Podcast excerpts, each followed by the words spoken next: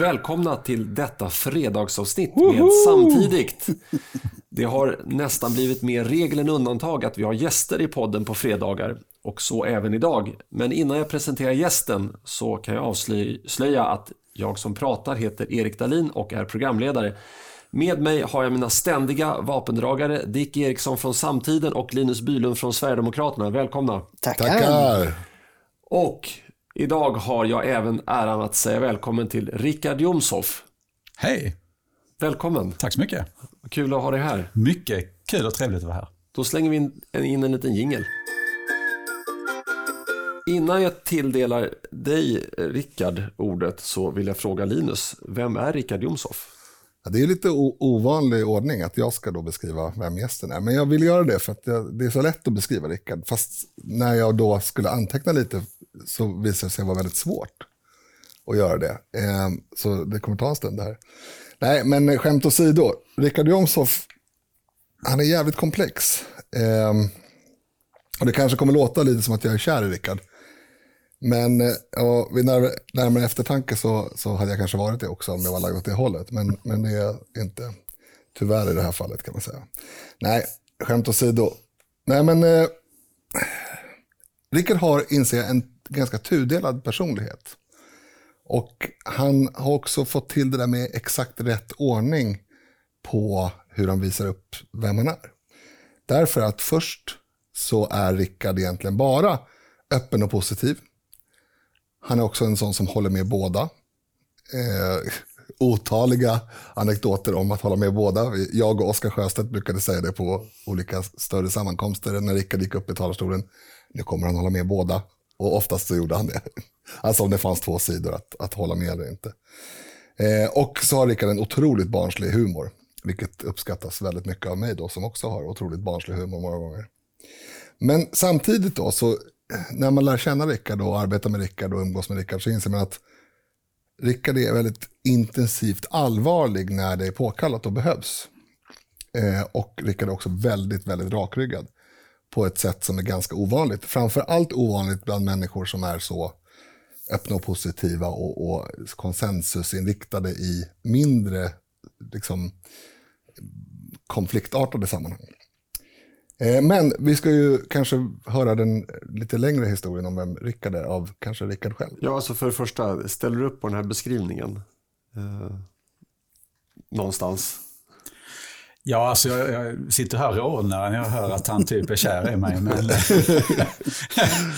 ja, men det är väl lite ömsesidigt kanske. Eh, Linus kan också vara en lite så komplex person och tudelad och så, men eh, i grund och botten en väldigt varm människa. Så att jag, jag, känner, jag tror nog att jag förstår vad Linus säger, att det finns nog vissa beröringspunkter. Mm. Jag är ganska barnslig um, och jag tycker att det är viktigt att vara ganska barnslig för att livet är totalt ohållbart om man inte vågar vara det. det livet är alldeles för allvarligt och komplext att skulle man inte våga ha kvar någon sån sida så, eh, det vet jag inte. Det har varit svårt att leva alltså.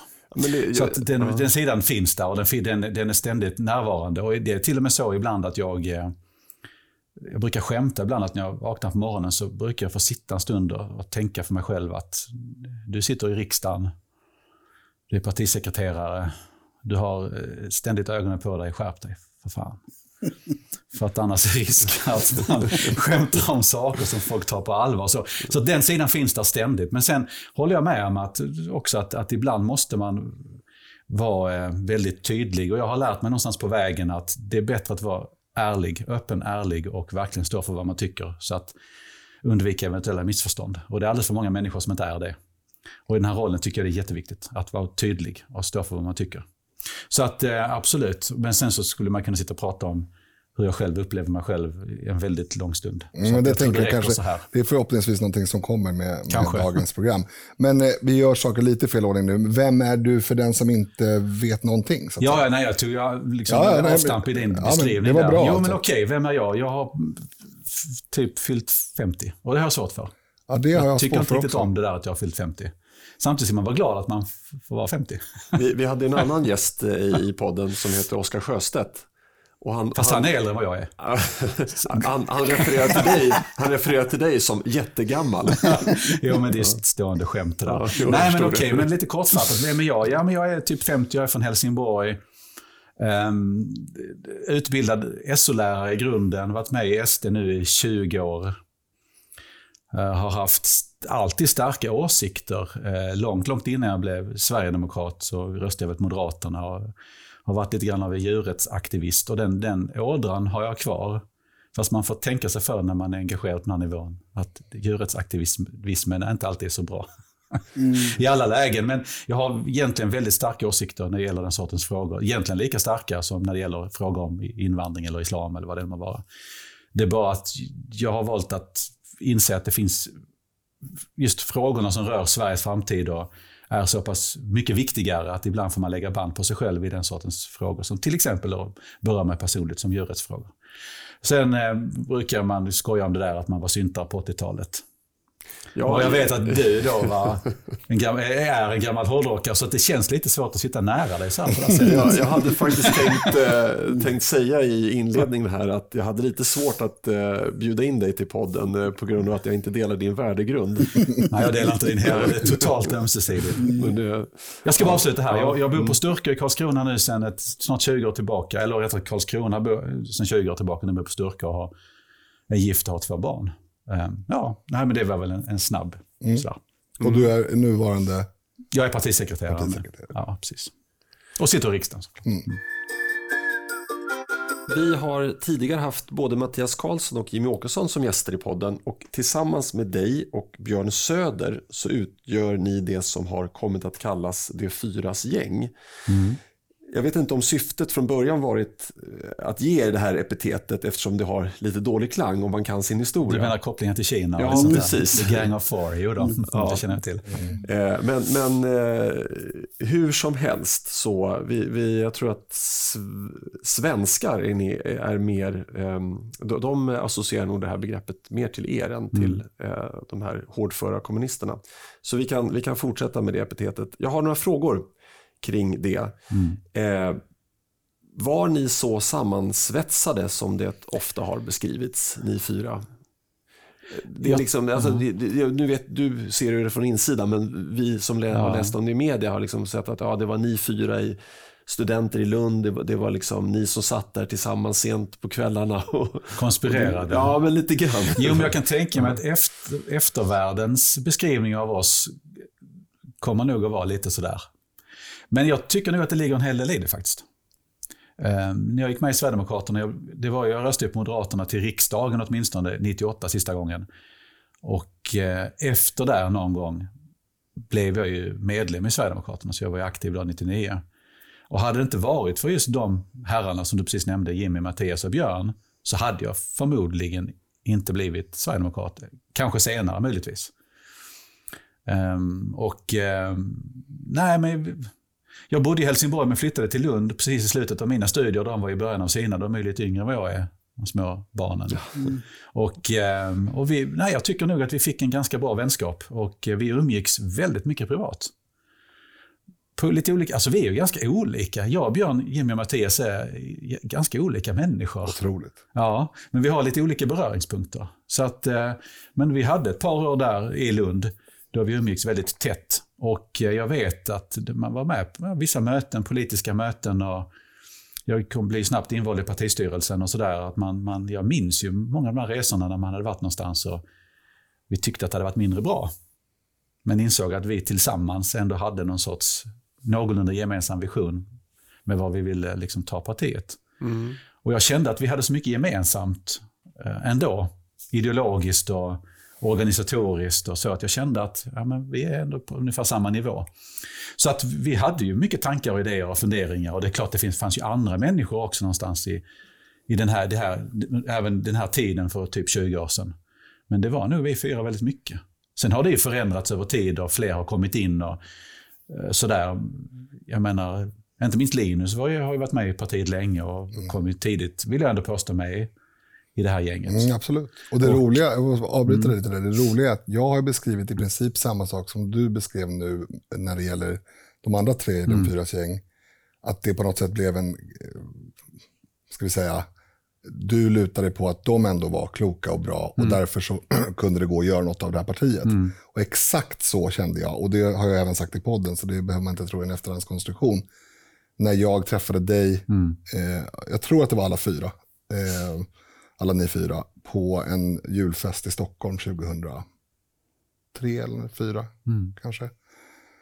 Och kände, för då hade jag precis känt innan att vad är det här? Hur ska vi klara det här partiet? Liksom? Man, man har massa, på den tiden var det ju mycket kufar, det är väl bara att säga det. Svar, liksom, Rakt ut. Eh, och så träffade jag er och kände bara, dagen efter kände jag bara det här, det här kommer gå bra, det här fixar vi. Liksom. Så att, exakt samma. Kul. Men, ja, men precis. Men, eh, Rickard var nog mitt inne i någonting. Nej, jag, vi kan nog säga att jag var klar där. ja, för jag har Nej, jag håller med om att Ja. bilden stämmer till stor del. Sen är den säkert överdriven. Liksom. Att vi satt där i någon mörk österrikisk pub och käkade Mozartkulor och drack öl och konspirerade och var allmänt onda. Och hyllade Den bilden finns också. Ja, men lite så. Säga, det gjorde vi säkert också vid något tillfälle. Men... Mycket av det, det som har sagts i negativa ordalag om de fyra scen kommer ju delvis från partiledarstriden 2005. Mm, när det, stämmer var ganska mycket smutskastning åt faktiskt båda håll ska jag vara villig att erkänna. Mm. Men, men jag tycker att det var mest från motståndarna till Jimmys håll. Men, men då, då, och då användes ju de fyras gäng nästan som ett skällsord inom Mm. vissa kretsar. Eh, så det, det har ju laddats med eh, både positiva och negativa laddningar av egentligen Sverigedemokrater i väldigt stor utsträckning. Kulturrevolutionen upphörde ju eh, i och med att det fyras gäng blev avsatta, tror jag. Men, Ja, vi behöver inte dra för långtgående men, men. Sveriges räddning kom ju i och med det fyras gängs bildande, Mm, säger jag.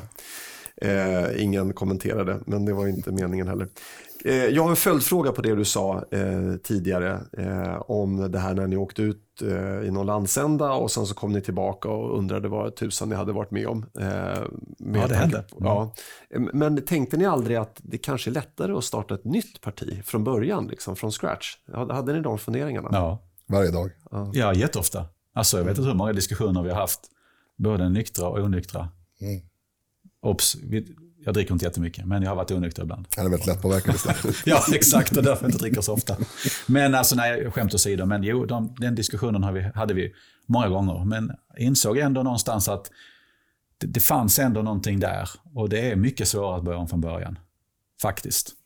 Ehm, och vi, var, vi insåg ändå någonstans till slut, ja, men inte minst när människor som Linus kom med, att det kom in väldigt mycket bra folk rätt snabbt där ett tag och vi kände liksom att det finns nog ett underlag här för att göra någonting.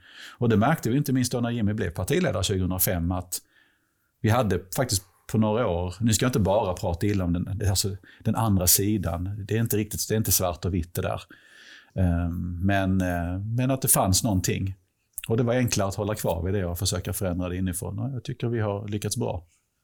Så att eh, så i efterhand man kan alltid spekulera och fundera om det var rätt väg eller inte. Men jag tror nog det ändå. Men visst, vi kanske hade sluppit mycket av de där epiteten och den här delar av partiets historia som faktiskt inte är speciellt smickrande. Men eh, nej, vi, vi, vi, vi valde och nu är vi här liksom. Ja. Jag, Eh, Alltså, jag, jag är ekonom, jag brukar följa pengarna när man tittar på eh, just, och i och med att den är så omdiskuterad, starten av partiet. Eh, och, och- en anledning är ju det att om man tittar på Danmark och Norge så var det ju kända personer som startade partier. Ja. Så de kunde man inte sätta Mogens Glistrup, visste alla danskar vem det var. Man Jo, kunde inte hitta exakt. på någonting om honom.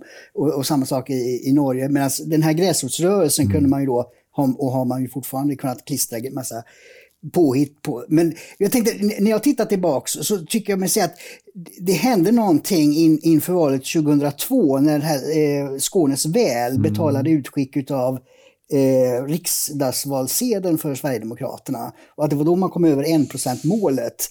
Hur, hur viktig var den delen i partiets tillväxt? Den var ganska viktig och sen också att vi fick med Sten Andersson.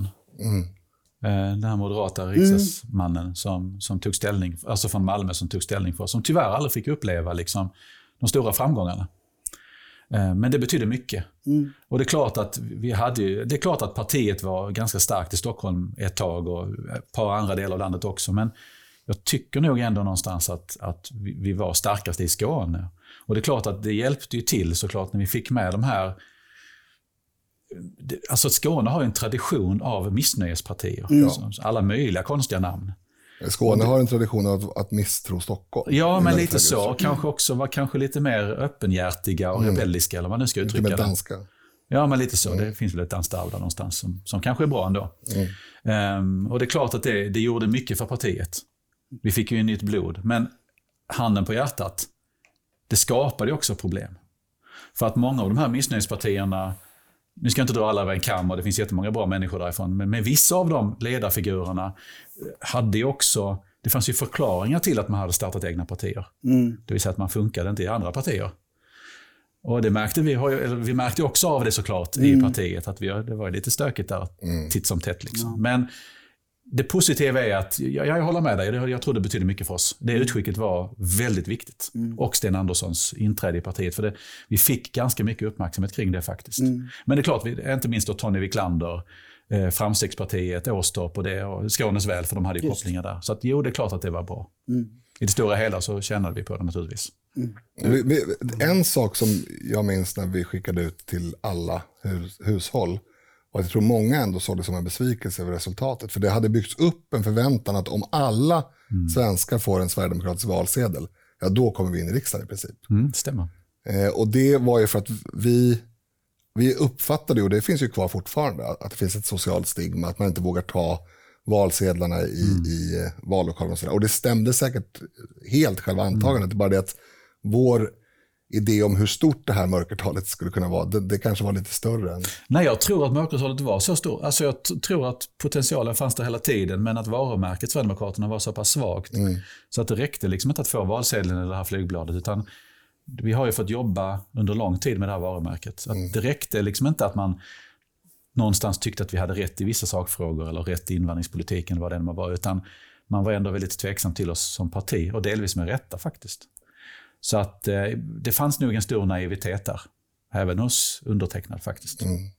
Men jag, jag tror också att det finns en stor naivitet hos eh, väljare. Det har ju poppat upp en del mindre partier nu de senaste åren. Och jag diskuterar med, med folk som, äh, jag ska rösta på de här.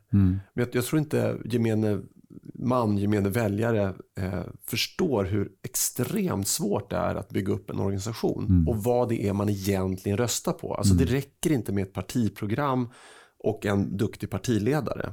Har, har du någonting du vill tillägga där till de som funderar på att rösta på eh, lite mindre och nystartade partier? Alltså, äh, om man ideologiskt befinner sig någon annanstans så ska man ju inte rösta på oss. Och det står Nej, för. nej, Däremot om såklart. man gör det för att man tror att, att de ska kunna lösa problemen sådär på en vecka, då är man oerhört naiv och bör tänka en gång till. För att det är precis som du säger, det här är ett långsiktigt arbete och man känner, jag känner själv och har ofta känt en oerhörd frustration kring det här. Eh, hur otroligt svårhanterat och trögrörligt det här systemet är, men det är så demokratin ser ut. Och bara för att man står och skriker lite högre någonstans i något gathörn, så innebär ju, bara för att du har rätt, så innebär ju inte det att alla kommer att rösta på dig. Att bara för att du blir lite tuffare i din argumentation eller lite tuffare på det flygbladet, att det då skulle innebära att alla börjar rösta på dig. Det funkar inte så. Utan vårt problem har varit trovärdigheten. Och den trovärdigheten finns inte hos de här småpartierna, utan det är någonting vi har fått bygga under väldigt, väldigt lång tid. Och nu äntligen märker man att vi börjar få utdelning för det här väldigt Alltså det här extremt jobbiga arbetet som jag inte hur många av er har lagt ner på det här. Nu börjar utdelningen. Men man kan tycka att det borde gå ännu fortare. Liksom. Men det gör, det gör det inte. Utan demokrati, eller demokratin som system, det, det, det ser ut så här. Liksom. Och det, det tar tid att förändra. Um, och uh, då bör man ju satsa på de som har störst trovärdighet och det är ju vi naturligtvis. Men än en gång, är man ideologiskt någon annanstans så ska man inte rösta på oss. Nej, men, men det, det, är ju, det är ju inte bara att man är ideologiskt, man kanske är i samma ekosystem, men att man tycker att det är så otroligt viktigt att eh, Sverige lämnar EU så fort som möjligt. Eh, och, Vilket jag kan hålla med om på ett känslomässigt plan, men nu, Ja. nu funkar inte världen så. Ehm, Jag har inte förändrat, alltså jag menar jag tillhörde de som röstade ja till EU 94. Totalt övertygad om att jag gjorde rätt och jag fick ju ångra det bittert några år senare. Jag minns att jag idiotförklarade hela min bekantskapskrets och tyckte de var totalt dumma i huvudet för att de inte fattade det jag fattade. Liksom. Och idag är jag en oerhört stark kritiker till EU. Men trots att jag är det så inser jag att det, hur ska vi kunna gå ut med, låt oss säga att vi vill oss, vi vill ha svexit, säger vi. Hur ska det funka om 10% vill det? Eller 20? om de andra inte vill det. Alltså, då måste vi fundera, kan vi paketera vårt budskap på ett annat sätt att väcka liksom en sorts rörelse där vi försöker förklara vad det handlar om och kanske öka förståelsen för vår inställning snarare än att bara stå och skrika och vara argast. För att vi kommer ingenstans på det sättet. Mm. Vi måste anpassa oss till verkligheten oavsett vad vi tycker känslomässigt. Jag vill bara beröra en sak. Jag har ju inte släppt min, mina åsikter kring, alltså jag pratar inte om djurskydd utan djurrätt. Jag har väldigt starka djurrättsfrågor. Alltså åsikter i den, den sortens frågor. Men jag inser också att, att, att det finns väldigt många som inte håller med mig. Och då måste man fundera ett tag att okej, okay, kan jag paketera, jag, jag, kan inte nå hela vägen just i den här sakfrågan som jag tycker vi borde nå, utan jag kanske får backa några steg och fundera, kan jag nå vissa framgångar då? Så måste du tänka. Det är inte så att, att jag når framgång bara för att jag skriker högst i den frågan. Och samma sak är det med invandring eller islam eller vad det än må vara. Vi, alltså, och jag tycker att vi ändå någonstans har landat ganska rätt. Eller vi har landat rätt. Och, och, och, och det jag ville sätta fingret på det var ju att om, om man har ett nybildat parti eh, med kanske ett jättebra partiprogram mm. eh, och en jättebra partiledare mm. eh, men eh, svårigheten att bygga upp organisationen mm. och det är kanske inte först efter fem, tio år som mm. du upptäcker att den här personen Ja, han har suttit och skrivit på nätet massa konstigheter. Ja, men då är, det tar liksom en oerhört lång tid då att rensa ut de här mm. personerna som inte kan föra sig helt enkelt. Ja, det också. Ja, det gör det. Eh, så att det är det som... Eh, men det är en trögrörlig ja. process. Mm. Men jag tycker att idag tycker att vi har en, i mångt och mycket en, en, väldigt bra organisation och jag tycker att vi har skapat oss ett varumärke som, som fungerar i det stora hela och det märker man ju nu när det, det finns andra partier som faktiskt inte bara kopierar oss utan faktiskt vill samarbeta med oss på lite olika plan. Det visar ju någonstans att vi ändå har lyckats. Och det är lite naivt att tro att man bara skulle kunna liksom bygga upp något annat från scratch och bara sådär på några månader ta sig in i riksdagen och förändra världen. Det funkar inte så. utan Sverigedemokraterna är det som gäller. Det är min fasta övertygelse att vi kommer att få kämpa vidare med vårt varumärke och vår organisation och så. Men vi har, vi har nått långt och idag tycker jag att jag kan vara ganska... De senaste år, två, tre åren har jag känt att jag kan vara väldigt stolt för vad vi faktiskt har lyckats bygga. För första gången, på allvar alltså. Jo, när den här regeringsbildningen som ju tog väldigt lång tid, så tittar jag tillbaks hundra år i tiden. Och det var mycket kring talmannen och talmannen då, Johan Widén hette han på 10-talet, hade exakt samma problem som, som eh, eh vad heter Norlén. han? Eh, Andreas, Andreas Norlén. Andreas, ja, just det, hade nu. Eh, det vill säga att det, det hade uppstått tre block. Mm. Eh, och eh, det nya blocket då var ju Socialdemokraterna som kom in vid sidan av Liberalerna och eh, de konservativa, eller högern så att säga. Och eh, han hade exakt samma problem eh, som, som det är nu då, att de här gamla etablissemangen vill inte prata med mm. Hjalmar Branting eh, ens en gång. Va? Eh, och eftersom det var tre delar så, så, så, hängde det ju ändå på vad Socialdemokraterna ställde sig. Men de ville inte, varken regeringen eller mm. opposition, ville prata med. Så han övertalade då att kungen skulle bjuda upp eh, Hjalmar Branting för att liksom bryta isen. Eh, så det var ju lite annat. Mm. Eh, konstitutionen såg lite annorlunda ut på den tiden. Men det var, när man går tillbaks, för det är hans dagbok jag har läst av Johan Widéns. Eh, det är väldigt tydligt hur parallellen är. Mm. Och jag tycker det gäller väldigt mycket. Alltså Socialdemokraterna då för hundra år sedan växte fram just som arbetarna, de som nu hade fått rösträtt och, och var, var, en röst för, för en, en, stor del, del av folket och därför fick en, ett allt större mm. inflytande. Och, och sen också med egen skicklighet naturligtvis kunde man manövrera ut de andra och styra väldigt mycket av 1900-talet. Och lite grann så är det ju nu också, att Sverigedemokraterna kommer in här som en, som en eh, eh, ska man säga, motvikt mot 30 års radikalisering. Där alla gamla partier har låtit sig följa med i den radikaliseringen, då även det moderata partiet. Mm. Så att säga. Och, och, då kommer Sverigedemokraterna in. Så jag tror att för att bilda ett nytt parti och komma in som så måste man också följa med historiens vingslag och, och liksom ligga rätt tror jag i, i var värderingsförändringarna mm. sker i, i samhället. Vad, vad tror du om den analysen. Jag tror att du har rätt. Mm. Mm. Faktiskt. För det, det, för det, annars är det väldigt svårt att förklara mm. varför Sverigedemokraterna har, har fått sådana framgångar. Annars skulle ju något annat parti, Feministiskt initiativ också, eller, eller någonting annat kunna Jag vill inte prata för mycket bara. Men, utan det, det, är ju det att man, man ligger rätt i, i historien också. Mm. Ja, ja, men då pratar jag istället då. Nej, men det är intressant det här med, med att man tilltalar en bred väljargrupp. Mm. Alltså det var ganska, när man tittar i, i backspegeln så var det ganska uppenbart att, att det fanns behov av ett arbetarparti eh, för hundra år sedan. Och eh, den väljargruppen har ju Sverigedemokraterna plockat upp idag till LOs förtret. Mm. I mångt och mycket, absolut. Mm. Ja, då tar vi sista frågan på det här med de fyras gäng. Eh, Sverigedemokraterna framställs ibland som toppstyrt och att mycket av makten fortfarande utgår ifrån er, eh, er fyra. Eh, ligger det någonting i det? Nej, alltså det är klart att ett, det finns väl inget parti som inte är toppstyrt. Alltså vi har ju våra landsdagar vartannat år då vi väljer en partistyrelse och partistyrelsen styr ju mellan landsdagarna. Och det är ett fåtal individer som, som bestämmer allt under den tiden. Och det kan man ju tycka att det, det är i och för sig lite toppstyrt. Och det är väldigt mycket makt som, som ligger i, i partistyrelsens händer. Och det är klart att ledningen där och, och Jimmy inte minst, det är klart att det Jimmy säger väger extremt tungt i sammanhanget. Så det är klart att om han pekar med hela handen som ett exempel så, så vill jag nog ändå påstå att de flesta ändå, hur ska jag uttrycka det, håller med eller gör som han säger.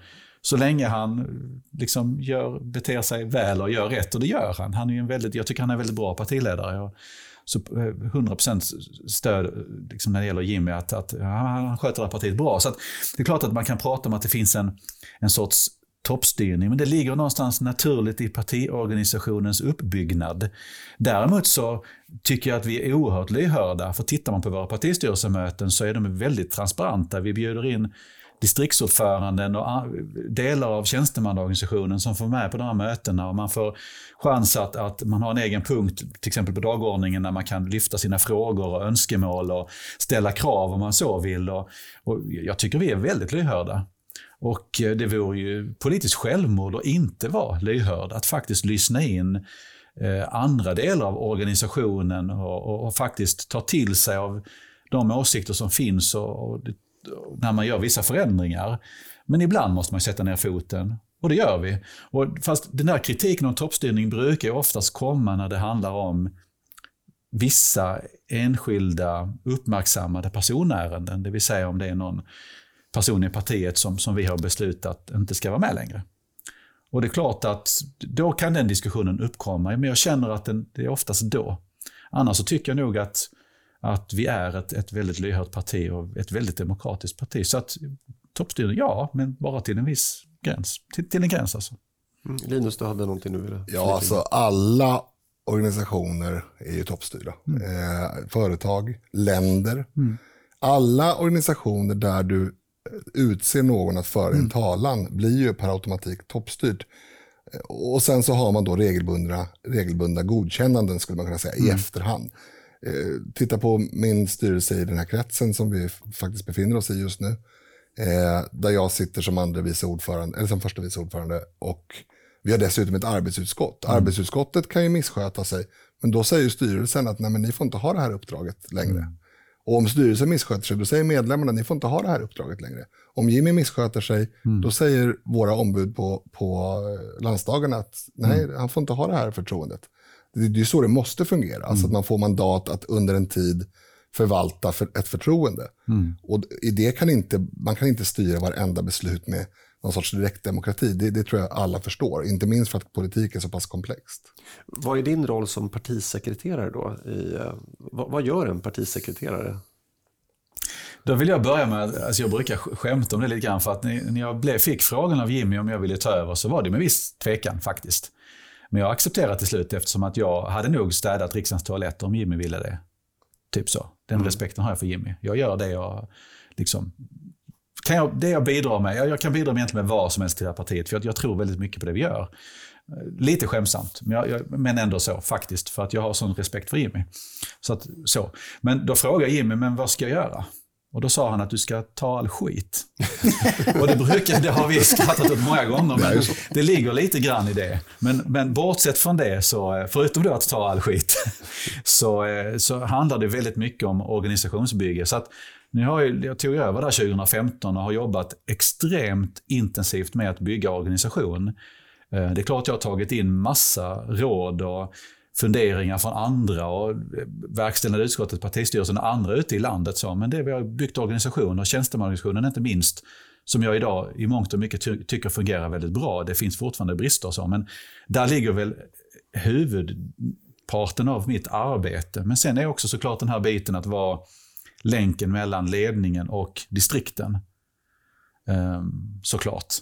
Och sen händer det tyvärr, när det uppstår konflikter och liknande så brukar de ofta landa på mitt bord. Så det är ett ganska brett uppdrag, men lite förenklat, det är lite skämtsamt det där Jimmy sa, men det, jag är ju där mångt och mycket också för Jimmys skull. Faktiskt. Traditionellt så är finnas som en avlastning åt honom, inte minst. Mm.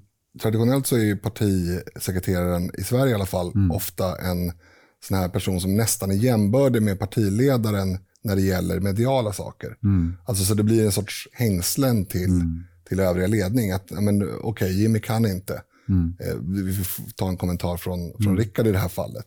Så det är ju väldigt tudelat, för det är två egentligen... Mm. Du har klarat det galant, Rickard, men egentligen så är det två olika personlighetstyper som behövs för mm. de olika uppgifterna för en partisekreterare. För det ena är en social kamrerstyp eh, som kan hålla ordning och reda internt och, och sådär. Och det andra är någon sorts medial person. Mm. Och det är inte nödvändigt att de två går att kombinera hos alla, hos alla människor. Nej, det är ett oerhört brett uppdrag. Jag kan nog tycka någonstans, jag tror nog om man skulle titta hur det fungerar i de andra partierna så är nog partisekreterarrollen i Sverigedemokraterna betydligt bredare än vad den är hos de andra partierna. Men det kan mm. också bero på att vi har en, alltså, lite grann, den, hur ska jag uttrycka den politiska mognaden, men alltså, eller organisationens mognad rättare sagt. För men, min uppfattning är ju idag till exempel att, att det uppdraget som jag har, partisekreterarrollen, bör ju delas. Det är alldeles för splittrat. Det är det jag menar. Det är alldeles för, ja, men jag, jag, håller, jag håller med 100 procent. Det, det är lite för, för brett. Man skulle kunna dela upp det i lite olika delar. Och jag har lite tankar och funderingar som jag kommer ta med övriga ledningen just om den här rollen, om vi kan dela upp den. För det blir nästan lite övermäktigt ibland. Eh, som sagt, jag tog över 2015 tidigt och det var nog, eller nej, inte nog, utan förra sommaren var den första sommaren då jag faktiskt var ledig. De andra sommarna har jag bara jobbat konstant, kontinuerligt, varje dag i stort sett. Um, så att, men det innebär, beror också lite grann på att nu har vi kommit så långt i organisationsbygget att, att det, det, mångt och mycket börjar det mesta flyta på. Vi har så mycket bra kompetent personal nu i partiet som själva hjälper till att utveckla sin del av organisationen. Så att det börjar liksom rulla på på ett annat sätt. Och det är lite därför jag också känner någonstans att då kanske jag kan hoppa av och börja syssla med politik istället. För det sak, jag saknar det politiska. Och sen bara som en liten kort kommentar bara till det Linus sa. Att just den offentliga biten var ju det mycket Jimmy också ville att jag skulle syssla med, men det har ju blivit lidande eftersom att det har varit så otroligt mycket internt arbete. Att det offentliga har fått stryka på foten lite grann eftersom att det var så oerhört mycket internt Både med liksom, tyvärr konflikter ibland, men också liksom att få organisationen att fungera. Så att eh, jag tror inte det har blivit riktigt kanske vad vare sig jag eller Jimmy tänkte oss från början. Men jag tror nog ändå att det arbete jag har lagt ner, det, är nog, det var nog ändå bra att jag gjorde det, men jag säger så. För att organisationen måste ju funka. Och mm. Partiet måste ju ha en fast grund att stå på, inte bara ideologiskt utan även organisatoriskt. Jag har en, en följdfråga på det, kan man säga, ett påstående kanske. Men, men hur som helst, Eh, många som inte har insyn i partiet tror jag, tror jag missar eller inte bryr sig om kanske eh, det faktum att om man tittar på början av det här millenniet, eller slutet av förra, mm. det spelar ingen roll, hur organisationen såg ut då och vad olika människor gjorde. Mm. Eh, och så tittar man på idag, då, är det, då har vi kommit väldigt långt i delegering. Mm. Eh, idag jämfört med för 20 jo, ja. år sedan. Verkligen. Men det är ju en växtverk som är otroligt påtaglig fram till, ja kanske nu. Mm. Alltså att man, ja, vi har ju varit inne på det här tidigare med när, när jag, Oskar och Jimmy byggde golvet på kansliet. Mm. Det var ju fullt normalt i början av det här millenniet att partiledaren la golv. Eller förlåt, första sommartalet i Sölvesborg när jag och Jimmy, bara minuter innan han skulle gå på med, stod liksom bara några meter bort, stod vid mixerbordet och liksom försökte få ljudet att fungera. Mm. Alltså det, det är liksom, bara som ett exempel. Exakt. Massa sådana Jimmy som partiledare satt och gjorde flygblad. Liksom. Mm. Och då kan man undra så här. Ja. Va, och, nu, nu delar han ut flygblad. Ja, sant. Han har gått åt fel håll. nej, nej, men, men, men, så här. Eh, jag tror inte att man som utomstående riktigt förstår problematiken i det här. För att Eh, det är klart att man kan eh, förstå att det, det tar tid att, att bygga en organisation. Mm. Men det är, ju, det är ju människors, nu ska jag använda det här engelska ordet igen, mindset Mm. som man måste ändra. För att en organisation där alla gör det de är bäst på och det de kan framförallt, eller det de kan hjälpa till, den fungerar ju ganska bra, men den kan inte bli hur stor som helst. Men för att komma till den stora organisationen så måste man släppa lite av petigheten och ansvaret. Och det är där Exakt. det svåra ligger. Ja, jag jag bara fylla i, för att det du säger nu är ju det, det, alltså det, det, är det är klockrent, det stämmer ju. För att om man tittar på hur det såg ut för 20 år sedan, och äh, äh, 15 år sedan, Ja, kanske 10 år sedan. 10 och det var ju det att vi var ju, det är klart att vi, vi hade ett växande antal medlemmar och aktiva så, men vi var ju ändå ett, ett fåtal människor som gjorde väldigt mycket. Och även ute i distrikten, man, man, man var ju lite grann av en allt i allo. Och partistyrelsen satt ju, hade möten och fattade beslut som alltså låg på en otrolig detaljnivå. Det är nästan så att det är löjligt när man tänker efter så här i efterhand. Och vissa människor har nu haft svårt att släppa den där kontrollen. Jag också, helt ärligt, initialt, att vara den som hade koll på allt. För att jag vet ju alltid bäst själv. Tycker nog väldigt många och så har jag nog tyckt själv ibland. Och att den processen har nu varit ganska plågsam i vissa det. delar. Och det. Och det man måste inse, och det här kan man ta med sig in i företagsvärlden eller vad som helst. Det man måste inse, första andetaget när man tänker sig att man ska delegera saker så måste man acceptera att det kommer bli 80% av vad man hade trott eller önskat. Alltså n- när jag gör någonting själv, jag bygger en altan på mitt hus. Om jag skulle leja bort det till dig Erik, för du är inte snickare så det är också bra. Eh, då måste jag ju acceptera att det inte blir exakt som jag hade velat det. Ha det. Men, men jag slipper göra det istället. Alltså det, och, den, och den acceptansen, det är den som är svår att komma åt hos vissa, även mig själv ska jag säga. När man lämnar över ansvar till en eller en grupp andra människor så måste man acceptera att det kanske blir bättre, det kanske blir sämre, men det blir inte exakt som man själv hade gjort det. Det blev en liten konstpaus där för att vi tror att det var ett eh, automatisk motionering av brandspel som gick igång här i det här lilla Någonting kontorsrummet. lät i alla fall, men jag vet inte om för, för själva lyssnarna tror jag inte det blir någon paus. För jag tror jag klippte bort allt det där. Ja, just det, just det. Du är så duktig på att klippa. Eh, nej, men du, det här med... det var, jag tänkte på den här problematiken med att, att eh, liksom styra upp en växande organisation. Eh, men jag tänker att det, måste vara ett angenämt problem ändå. Jag, jag tänker, ibland tänker jag på Socialdemokraterna. Att det måste vara, jo, det gör jag. Det, jag vaknar på nätterna alldeles kallsvettig. Stackarn. De tar allt mitt guld! ja, nu när jag skrattar färdigt så eh, ska jag berätta vad jag egentligen tänker på. Eh, och det är det att det måste vara väldigt svårt att banta en organisation. Alltså banta från ett 45% parti till ett eh, 22,5% parti på eh, ja, 10-15 år. Något sånt där.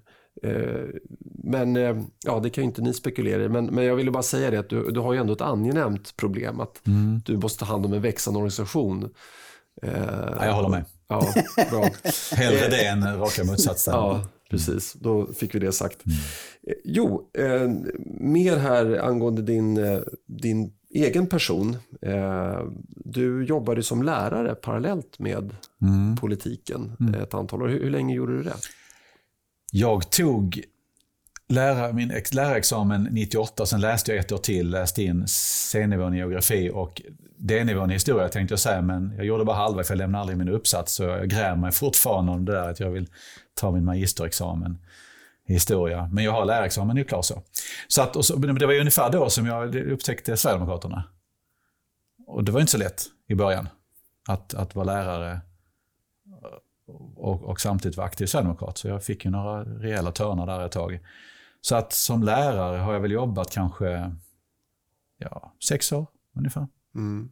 Men hur... hur eh, alltså, först var du lärare och, sen, och då, kanske du, då kanske du var engagerad i Sverigedemokraterna men det kanske inte syntes på några Jo, officiella men det gjorde det för dokument. att jag, jag, fick, jag ble, fick nämligen, jag blev klasslärare. Det var då när jag bodde i Lund och lärde känna Jimmy, Björn och Mattias. Då blev jag klasslärare i en fjärde klass på en skola. Och det var samtidigt som jag hade börjat bli aktiv och det var ju 99. Och var även märkligt nog aktiv i ungdomsförbundet. Jag var ju 30 då, så att jag var ju precis där, mm. i slutet av mina ungdomsår. så att, och det blev ju uppmärksammat. Mm. Och det blev ju totalt haveri på skolan, minns jag. Och på den tiden, då när det var som mest skriverier, det var ju min första riktiga törn i media. Alltså jag tog rätt mycket stryk i media. Då var jag faktiskt på väg att lämna partiet. Då tänkte jag att det här går inte. Jag, jag, jag kan inte ta den här skiten, rent ut sagt, ursäkta. Eh, samtidigt som jag, liksom, jag, jag, är ju lärare, jag måste kunna jobba. Jag kan inte, det, det var kaos på skolan. Alltså, även om jag fick väldigt starkt stöd så, så de som, som skrek och som var motståndare skrek väldigt högt. Men var var det någonstans? Det var i Lund, mm. på en skola i Lund. Och jag, jag, jag tog nästan avstånd från partiet och eh, tänkte faktiskt lämna. Men eh, då var det då precis då jag hade lärt känna de här tre andra herrarna, unga herrarna då. Och hade, funderade ett varv till och insåg någonstans att nej men jag måste ändå kunna kombinera det här allvarligt talat. För jag, jag, som jag sa till någon journalist, då, för jag minns den diskussionen, att ett av uppdragen du har som lärare är ju någonstans att föra ett demokratiskt arv vidare. Och ska inte jag som lärare kunna vara engagerad partipolitiskt, om ändå i ett parti som kanske inte var speciellt rumsrent då, eh, så är det någonting väldigt fel med den här svenska demokratin och fel med den svenska skolan. Så jag tänkte att jag ska minsann försöka. Och sen fick jag ett par törnar till. Då jag flyttade till Karlskrona och efter bara ett par, tre veckor på en gymnasieskola där jag jobbade, jag skulle jobba längre var tanken, så fick jag avsluta min, min anställning där. Och, eh, och sen så var jag uppe i Växjö och fick en törn där också efter två och ett halvt år. Det var 2004? Ja, precis ja. Och det var mm. efter det som hände i Växjö, alltså tredje gången på tredje skolan som jag fick stryk i media, där jag någonstans insåg att det här går inte. Men det intressanta är att det som hände då i Växjö tredje gången fick mig någonstans att fatta beslutet att nej, jag ska inte kombinera det här, jag ska snarare satsa helhjärtat på politiken.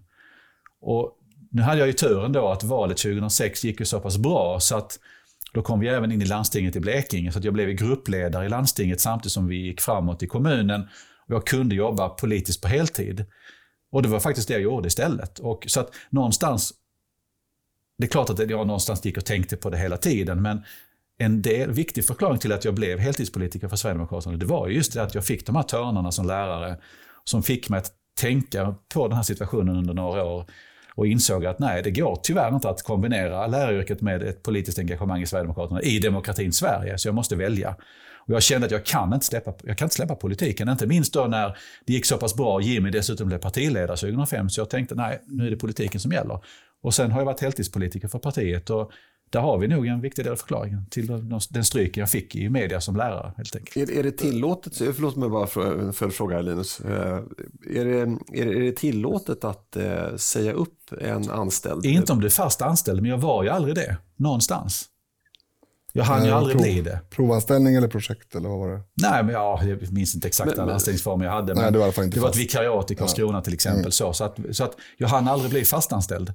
Men och då är det en annan sak, då är det svårare att, att angripa dig. Fast, då, då, då, blev du uppsagd på ingen grund alls, det var bara att de inte förlängde. Ja, och, exakt, och, och du, exakt så. Och du förstod vad anledningen ja, var? Ja, det, var, var väldigt tydligt. Det var ingenting de sa. Nej, det himlade, det, det himlade inte de själva med om jag minns rätt. Eh, jag kommer ihåg 2004 Växjö väldigt mm. starkt, för jag åkte ju ner, det var ett gäng från Stockholm som Eller var inte det till och med 2005? Nej. Ja, det kanske det var, men i så fall minns jag helt fel. För jag minns det som 2004. Ja, ja. Vi låter men, det, kan vara 2005, vi säger det. Eh, jag åkte ner med några kompisar, jag tror Oskar var med också. Eh, du sitter och räknar år här. Ja. och vi hade, jag kommer ihåg att jag hade en videokamera som jag hade med mig. Och vi gick ett demonstrationståg där. Och skrek vi inte avgå Conné?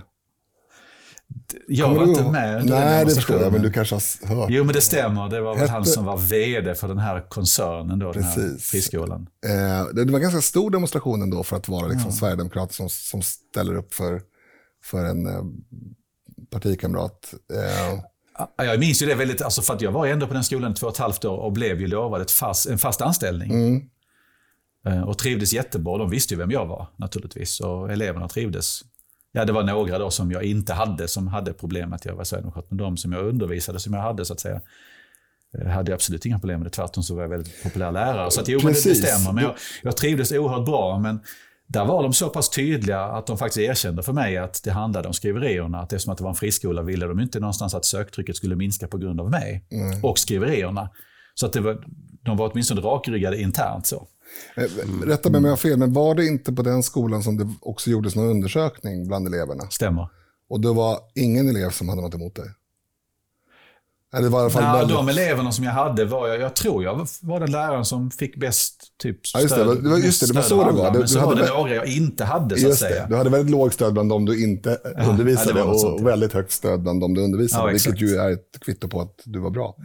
Eh, Men för, som anekdot här, inte särskilt rolig anekdot, men ändå för den som är intresserad av SD, närhistoria och sådär, så var det natten innan den här demonstrationen så var det den eh, omtalade överfallet på Mm. den här middagen i eh, Rottne. Va? När, och, och jag och de som åkte med min bil, vi hade ju bestämt oss för att åka, upp, eller åka ner på morgonen.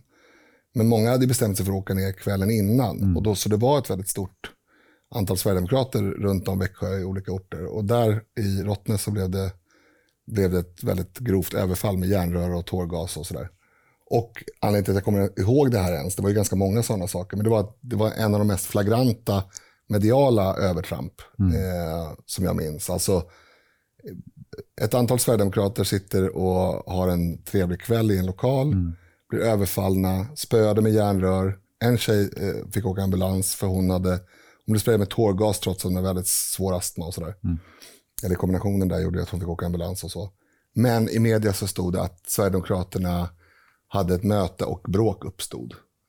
Ja, men det var till och med någon journalist som fräckt hävdade att det var iscensatt för att vi ville ha uppmärksamhet. Ja.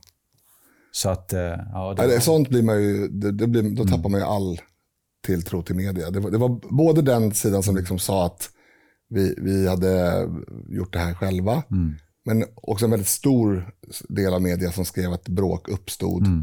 Eh, och, ja, det, det, Man vinklade det som att det var antagligen vi som hade startat ett bråk. Ja, nej, det är väldigt intressant. Eh, Sverigedemokraternas framväxt har ju, eh, saknar ju motstycke i Sveriges historia skulle jag säga. Alltså det, det finns ju ingen partiledare för, eller partiledning för ett så här stort parti, runt 20 procent, som har den här historiken med sig. Liksom att ha nästan fått utkämpa fysiska slagsmål. Ja, det ska, vara, det ska vara för hundra år sedan. socialdemokrater. Ja, jag- ja, Men det är intressant för att det som du nämnde tidigare Dick, att just det här med socialdemokrater, det intressanta är att om man tittar på, åtminstone min personliga uppfattning är ganska stark när det gäller det här, det vill säga att de som har behandlat mig och mina partivänner och mitt parti sämst, det är oftast Socialdemokraterna. Och vissa socialdemokratiska företrädare, nu säger inte jag att alla, det finns många väldigt bra också, har varit väldigt trevliga genom åren, men det är oftast därifrån det största hatet har kommit. Och det är så intressant med tanke på vad de själva då har varit utsatta för historiskt sett. Att de idag på något sätt beter sig på samma sätt. Och det har jag haft svårt för att förstå. Men är inte det som eh, den här klassiska skolgårdsgrejen, att den, den mobbade som blir mobbad under lång tid och sen helt plötsligt inte blir mobbad ansluter sig till mobbarna? Det, Kan är, vara så. eh, det här är inte filosofiska rummet. Så att, eh, Nu är det den Men det, det är nästan för, specialprogram kanske. Linus filosoferar så kan vi prata om det kanske. Ja, Fyra timmars svammel. fyra, är det en kort version eller? Ja, klipper. Det var inte bara på din tid som lärare som det blev protester mot dig som person och sådär, utan eh, så sent som i höstas när du skulle föreläsa på Göteborgs universitet. Va? Ja, just det. Eh, hur, hur reagerar du på det? Ska vi ta en kort, du kan ta en kort bakgrund eh, bara. Ja, alltså den korta bakgrunden. Som partisekreterare så blir man ofta kontaktad av media och får svara på frågor kopplade till valrörelse och partiets organisation i valrörelser och strat olika strategier och hur vi tänker, hur vi resonerar, hur vi agerar i, i valet. Och de höll på med ett sådant projekt på Göteborgs universitet och bjöd in samtliga partisekreterare och jag var sist ut. Och de andra hade varit där och jag, min uppfattning, eller den bilden jag fick var att det hade passerat väldigt obemärkt.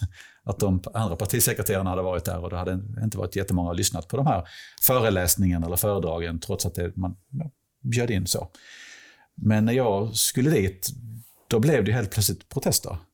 Och att det fanns då eh, en grupp individer, inte bara studenter utan faktiskt även universitetsanställda, alltså akademiker, som ville stoppa det här.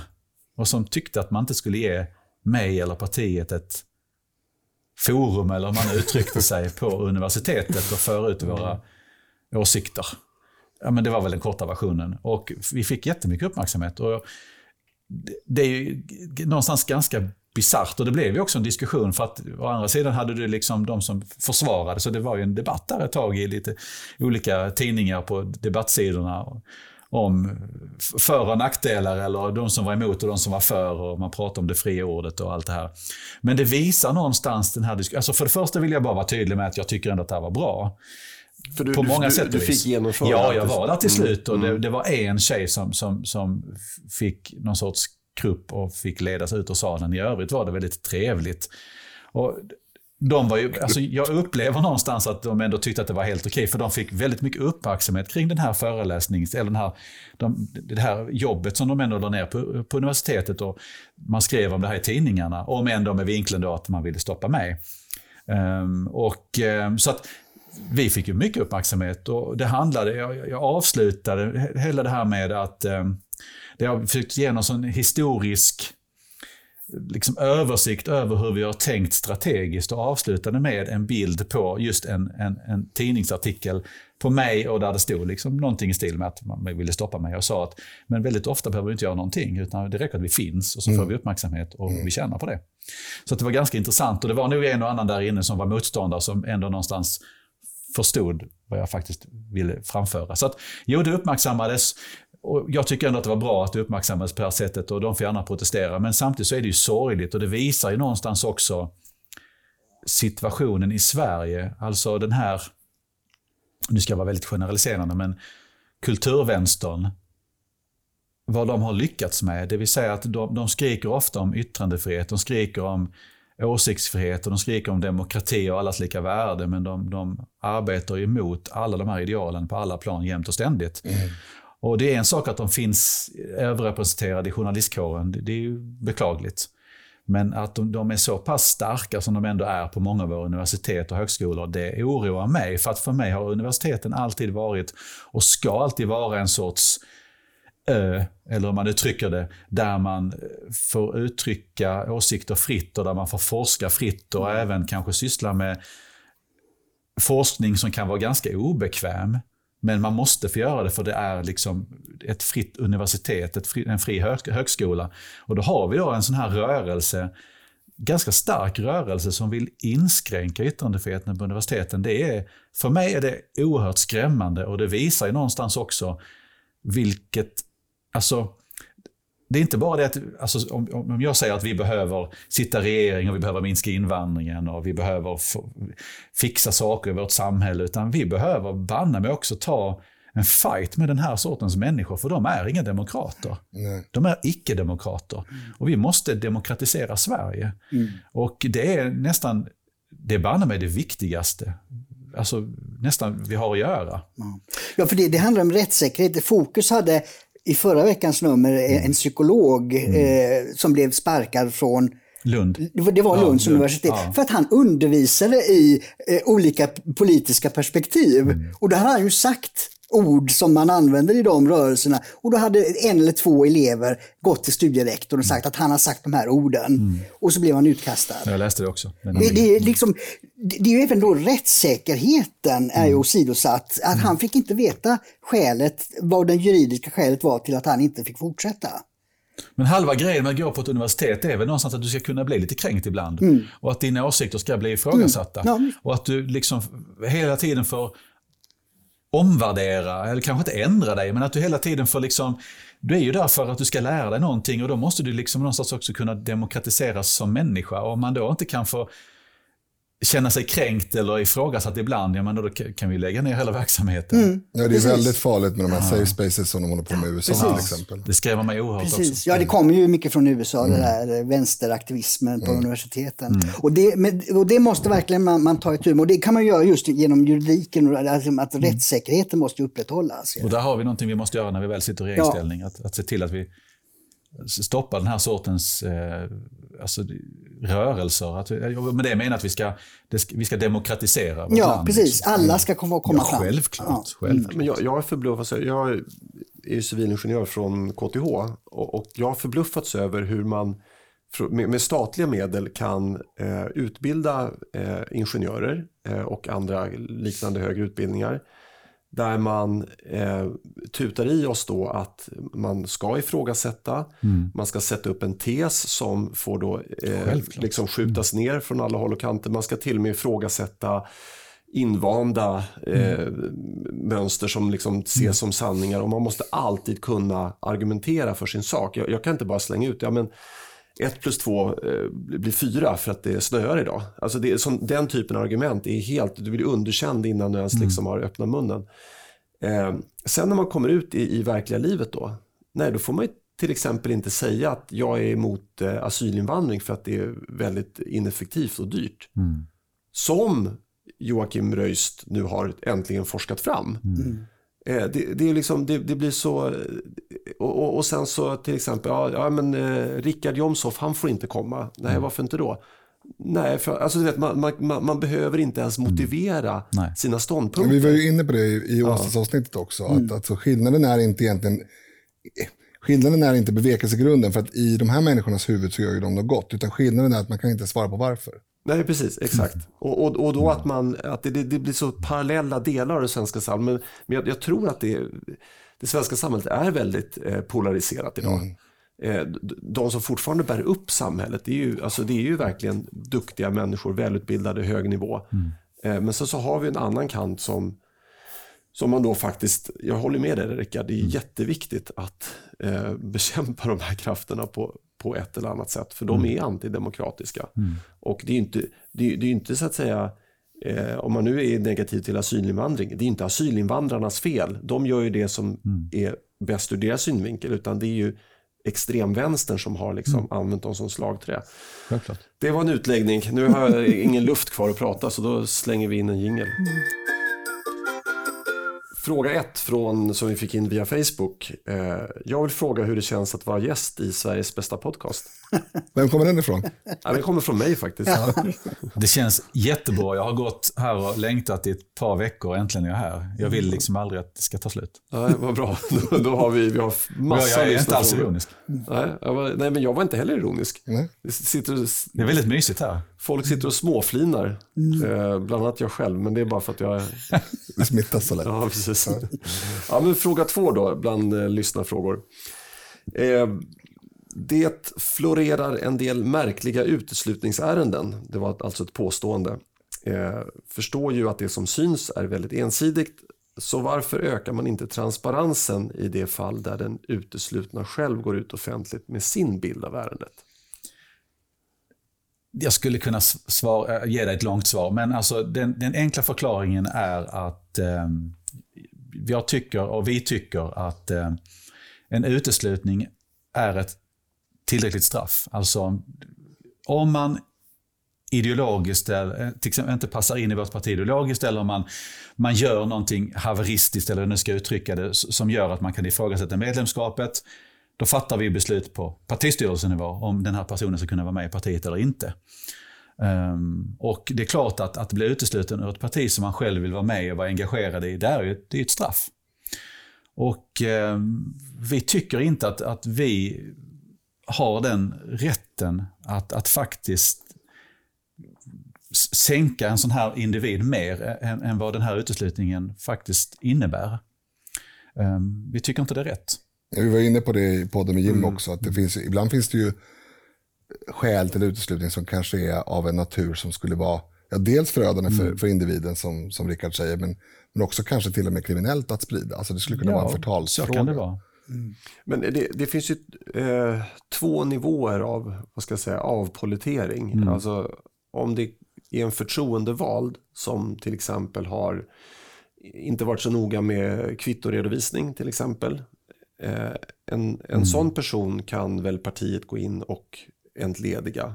Eh, eller är det mer, eh, det är mer kanske riksdagen eller, ja, eller alltså, Det där stämmer inte. Utan, Nej, men det är därför jag försöker reda ja, ut det. Är man folkvald så är man folkvald på, på, som person. Ja, det kan inte, och det, det, har ju varit ett problem Visst är det så. Då, då, med vildar kan, då, till exempel. Uh, vad sa du? Kan... Då blir det ju vildar. Alltså, vi ja, har ju haft massa vildar i mm. kommunerna, för, framförallt för länge sedan, men även nu.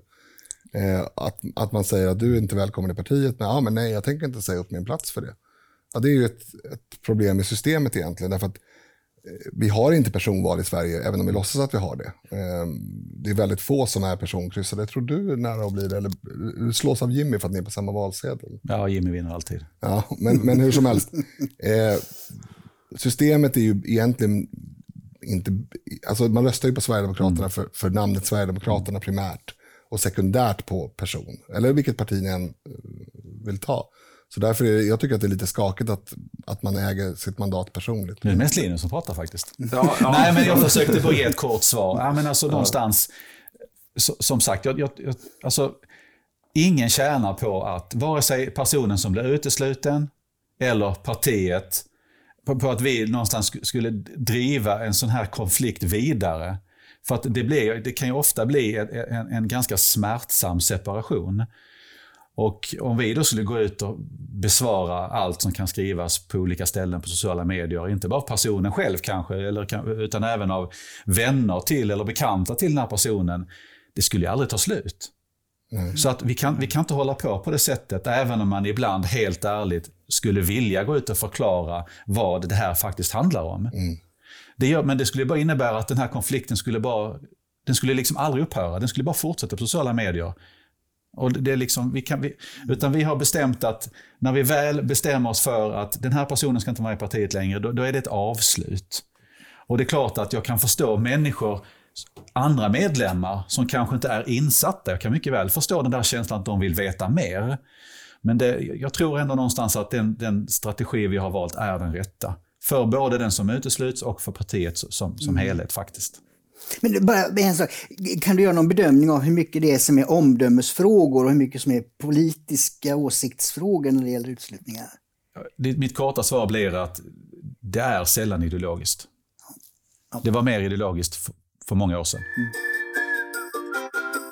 Skulle du kunna locka erfarna och duktiga sverigedemokrater att flytta ut till mindre kommuner inför kommande val? Eh, då kanske vi skulle kunna få fler att ställa upp och i och med det få långa fina valsedlar. Wow, alltså vi har ju tänkt de här tankarna förr. Framförallt om vi backar ett antal år i tiden. Att vi skulle sprida ut oss liksom i landet. Ehm, jag vet inte om jag skulle kunna förmå folk att flytta. Jag tror inte min makt är av den, den sorten. Men jag tycker nog i det stora hela faktiskt att vi har en, en ganska bra bredd i partiet. Det finns några distrikt som är lite mer vita och vissa, definitivt vissa kommunföreningar och så. Men men jag tror inte lösningen är att man flyttar dit, utan lösningen är ju att, att vi faktiskt bygger en bra lokal organisation som, som faktiskt lyckas locka bra lokala människor. Det är det som är framgångskonceptet, ingenting annat. Det är vad jag tror. Jag tror också att det skulle kunna finnas en annan negativ effekt med att göra så. Eh, alltså jag till exempel eh, personligen har en nästan plan, men vi kan kalla det dröm, men, men det börjar närma sig en plan att någon gång lämna den här stan eh, kanske inte för gott, men för väldigt lång tid i alla fall. Och flytta någonstans där man kan höra fågelsången när man går upp på morgonen. Eh, och då vill inte jag att folk tror att jag flyttar till Hej kom och hjälp mig för att få deras första plats i kommunen eller något sånt där. Mm. Det, är, det är så med all kvotering att det drabbar ju de som inte är kvoterade så att säga. Så att jag tror, och det finns exempel på många sverigedemokrater som har flyttat genom åren och de har flyttat av andra skäl. Om det, om det då skulle vara en känsla av att de Ja, de flyttar för att vi har dåligt med liksom, vettigt folk i den här kommunen. Det finns ett annat problem. Stockholmare står inte väldigt högt i kurs just nu heller. Så att jag nej, nej jag väntar tills coronakrisen i alla fall. Absolut. Vi hade två eh, frågor angående din bakgrund som lärare, men den ena har vi redan tagit kan jag, tänka, kan jag tycka. Eh, så att vi får ta en fråga från en som heter Lars hur ska till exempel matematikundervisningen i skolan stärkas? Wow. Alltså det där, det är en bra fråga, men den kräver nästan ett eget program, alltså allvarligt talat. Det är inte bara matematikundervisning som behöver stärkas. Ehm, alltså, ja, hur ska jag svara på det här kort? Svensk skola befinner sig någonstans, det är liksom i en nedåtgående spiral. Ehm, och Eh, det, finns väldigt många bra skolor i Sverige och det finns skolor som inte håller lika hög kvalitet och det finns jättemånga förklaringar till det. Eh, men ett problem är också någonstans att söktrycket till våra lärarutbildningar är inte så högt som det borde vara kanske och det innebär också att man kanske inte alltid lyckas rekrytera rätt sorts lärare. Eh, men ja, alltså jösses, alltså det här är ju en så otroligt svår fråga att svara på kortfattat. Det blir ju de här vanliga flosklerna att man ska höja statusen och allt det här liksom på läraryrket och så. Men svensk skolas kris är djupgående på så många olika plan att jag vet nog inte riktigt var jag ska börja. Det handlar såklart om att, att, att öka statusen så du får in rätt sorts människor, men det handlar också såklart om att matematikundervisningen måste få större utrymme i svensk skola. Och jag tycker att min uppfattning är nog också att svensk matematikundervisning behöver göras om ganska kraftigt. Att jag tycker att den är ganska... Min bild av den är att den är lite för enkel och lite för naiv och att vi måste ställa högre krav på barnen tidigt när det gäller matematikundervisningen. Ehm, så att alltså det där är ett, ett totalt omtag vi skulle behöva göra i många ämnen i skolan. Inte bara matematikundervisningen utan även natur till exempel. Ehm, så att det där är en större... Ja, det, det, finns många steg dit, men ett, ett första steg är att förstatliga skolan och att kanske våga se på skolan på, på, ett, på ett lite mer konservativt sätt. Det vill säga att svensk... Alltså det är inte fel att... Eller rättare sagt, eller hur ska jag förklara det här på ett bra sätt och kortfattat sätt. Svensk skola finns till för att lära barnen sak, politiska, eller ja, att man ska lära sig olika ämnen helt enkelt. Man ska få ett, ett bred, en bred ämneskunskap eh, inom många olika ämnen. Och det, det måste vara tufft ibland. Och man måste få ställa krav på eleverna på ett sätt som man känner idag att man inte får göra. Det vill säga att ställer man för stora krav, då är det fel. Eh, och det, det, är inget fel i att, vara, att ha specialklasser till exempel, att ha specialundervisning för de eleverna som är tillräckligt duktiga. Jag menar alltså spetsgymnasier på samma sätt som du har, eller spetsskolor på samma sätt som du har idrottsgymnasier. Alltså det, det här är ett, he, ett, ett helt omtag man behöver göra. Ehm, och Det handlar också om att, att hantera stökiga klasser, stökiga elever, stökiga miljöer, att våga ta tag i de problem som finns, ordningsproblemen. Att, att våga mm. säga att skolan ska vara en skola där man faktiskt ställer krav på eleverna. Att inte bara att de ska vara där och lära sig saker och lära sig rätt saker, men att de ska bete sig på ett visst sätt i skolan. Det är inte fel med ordning och disciplin. Jag tror allt det här hänger ihop. Det handlar inte bara om matte, utan det handlar om hur man ser på skolan, hur, hur staten ser på skolan. Alltså vi behöver göra ett totalt omtag i den svenska skolan. Eh, lite flummigt svar kanske, men men, men, men om vi konkretiserar då till att ja nej-fråga, bör skolan ha en mer, eh, litet, litet mer mått av lära barnen veta hut? Svar ja, men också kanske klassisk katederundervisning. Mm. Det är inget fel i det. Nej. Väldigt många unga klarar inte av eh, den här, det här, det här grupparbets Fria. Ja, men som vi har idag, man ska, man, man ska arbeta i grupper. Det kan säkert vara jättebra ibland. Men man vet ju också att, att många elever de, de, de tar inte till sig informationen på ett tillräckligt bra sätt när man jobbar på det sättet. Så att Katederundervisning, ordning och disciplin, ja vi måste kunna, absolut. Men också kanske att uppgradera vissa ämnen och ställa krav.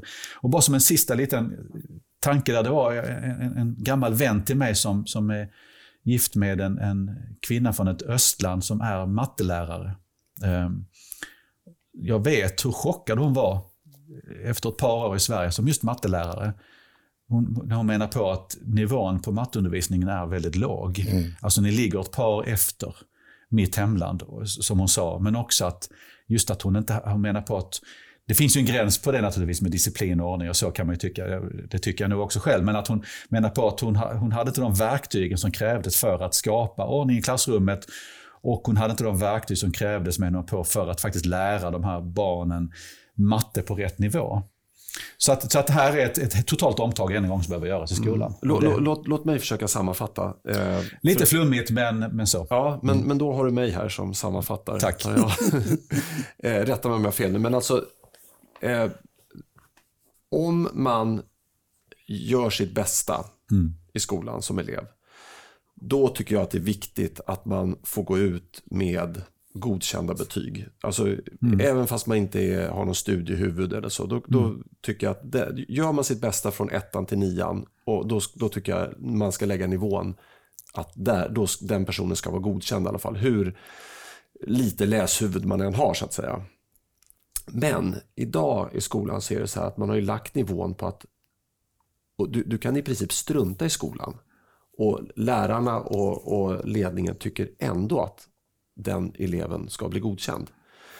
Eh, och det, det, är i alla fall min uppfattning. Och, och då sänker man ju kravet mm. i och med att man inte har, som du var inne på, att olika mm. eh, grupper för olika matematikbegåvning. Då, eh, så blir ju det att alla hamnar i samma klass och man lägger ribban så himla lågt. Mm.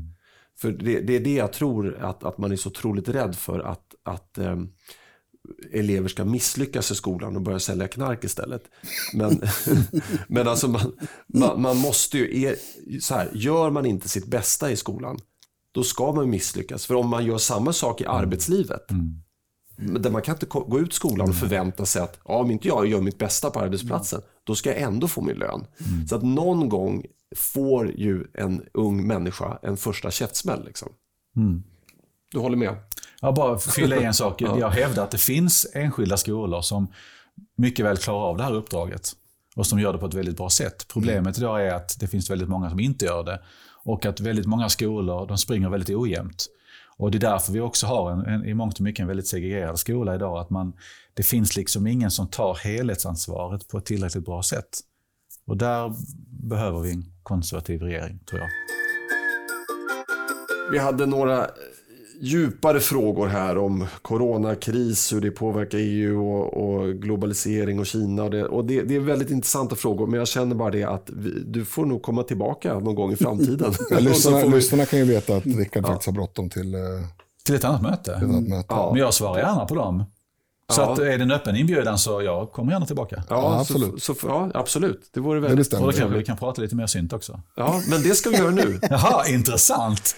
Magnus frågar nämligen, när kommer Rickard skapa en syntig SD-valsång? Wow. Tack för den frågan. Jag har ju tänkt tanken alltså. Du vill inte konkurrera med mig? Nej, jag vill ju inte konkurrera med Linus som har gjort det väldigt bra. Mm. Vid ett par tillfällen dessutom. Inte så syntigt dock. Han har två, två vallåtar till partiet här. Det, det gjorde det bra, men de var, det var inte tillräckligt syntigt. Alltså. Nej. Jag, jag, jag, ska, jag tar med mig frågan. Jag ska smaka på den. Jag ska fundera. Både ett och två varv. Så får vi se vad som händer. Mm. Det är inte säkert att partiet centralt skulle uppskatta en sån skapelse, men man vet ju aldrig. Nej, men man, alltså, I och med att syntare och hårdrockare umgås ju inte med varandra. Så att du kan väl göra en syntvallåt och så kan Jimmy göra, och, och Linus göra en rockvallåt. Det, det, det, det, är inte det som är kommer förstå problemet att vi har en partiledare med ganska dålig musiksmak. Berätta inte för Jimmy att jag har sagt det här. Det brukar ju gå till så här att eh, några, några val i alla fall har vi fått in ganska många eh, idéer och liksom, kandidater. Och det blir ju bara en som blir vallåt. Det blir väldigt svårt att ha flera.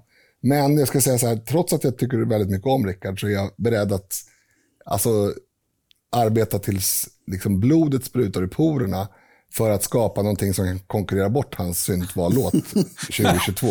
oj, oj, oj. Nu, nu kommer nästa fråga som också handlar om musik. Jag, jag förstår inte riktigt referensen här, men det är i alla fall en som heter Joakim som frågar, när kommer nästa EM-platta? Jaha.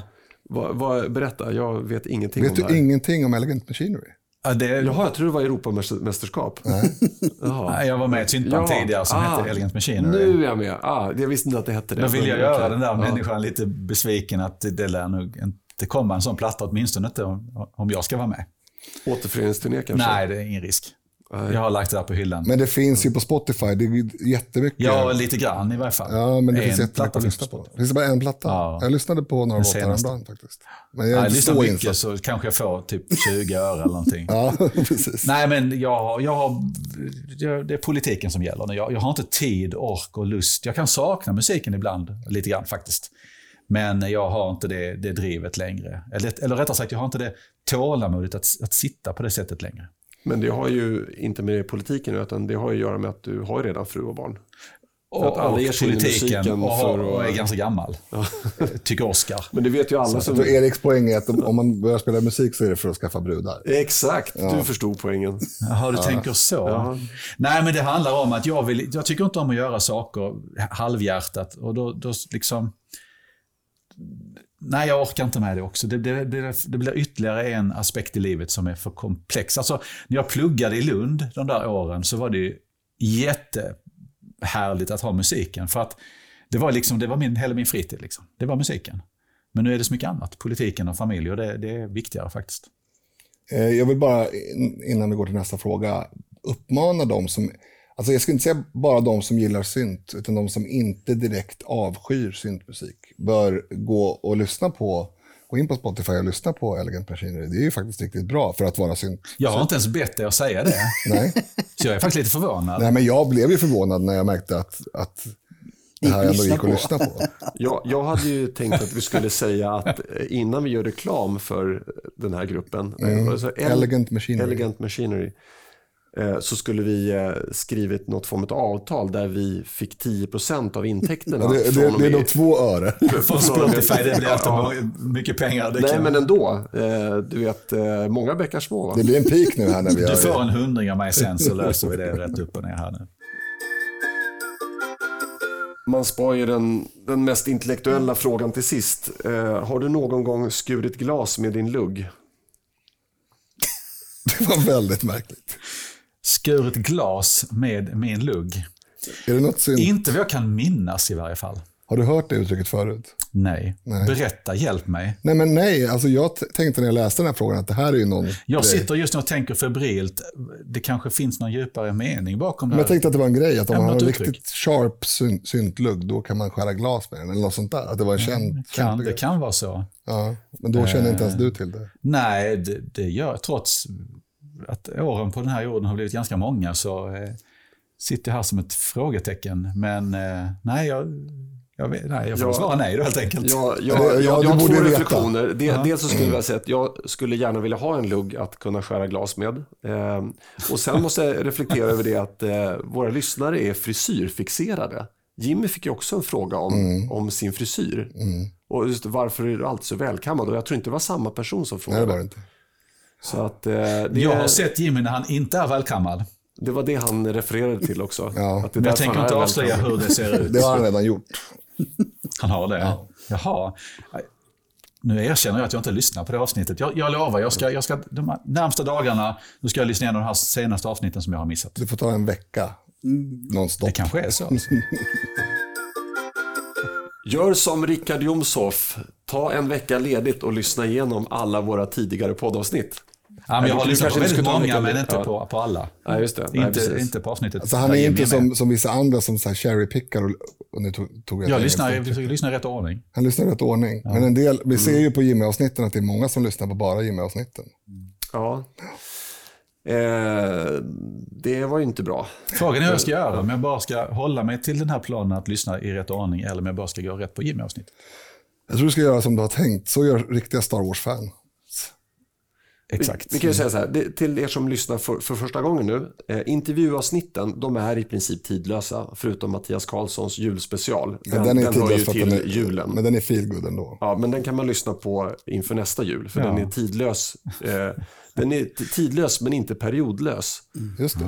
Så ska man kunna säga. Ganska Det kanske blir en tradition i Sverige att man lyssnar på Mattias Karlssons julavsnitt. Ja, det, det kommer bli lika stort som Kalle Ankas jul. Jag menar det. Ja, Ja. garanterat.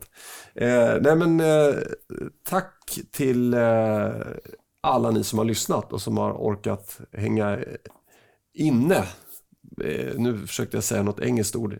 Hang to all you who have hang in there. Nej, det där blir inget bra. Jag tycker du löste det klockrent. Ja, Jag vad säger man, vad säger man Så svenska? hållit ut. Hållit ut. Ja, hållit ut. Eh, för det har varit ännu ett långt avsnitt, men eh, vi har i alla fall väldigt intressant och trevligt under den här Mycket. tiden. Eh, Instämmer. Vad, vad roligt. Så eh, jag säger tack för mig eh, och jag tackar i stigande ordning. Börjar med Linus. Tack. Tack så mycket! Dick Eriksson. Och sist men inte minst, tack så mycket Rickard Jomshoff för att du kom hit. Tack för att jag fick komma hit. Tack och sprid det här programmet i sociala medier. Och mejla till oss på samtidigt att samtiden.nu om ni har några frågor eller funderingar. Trevlig helg. Trevlig helg!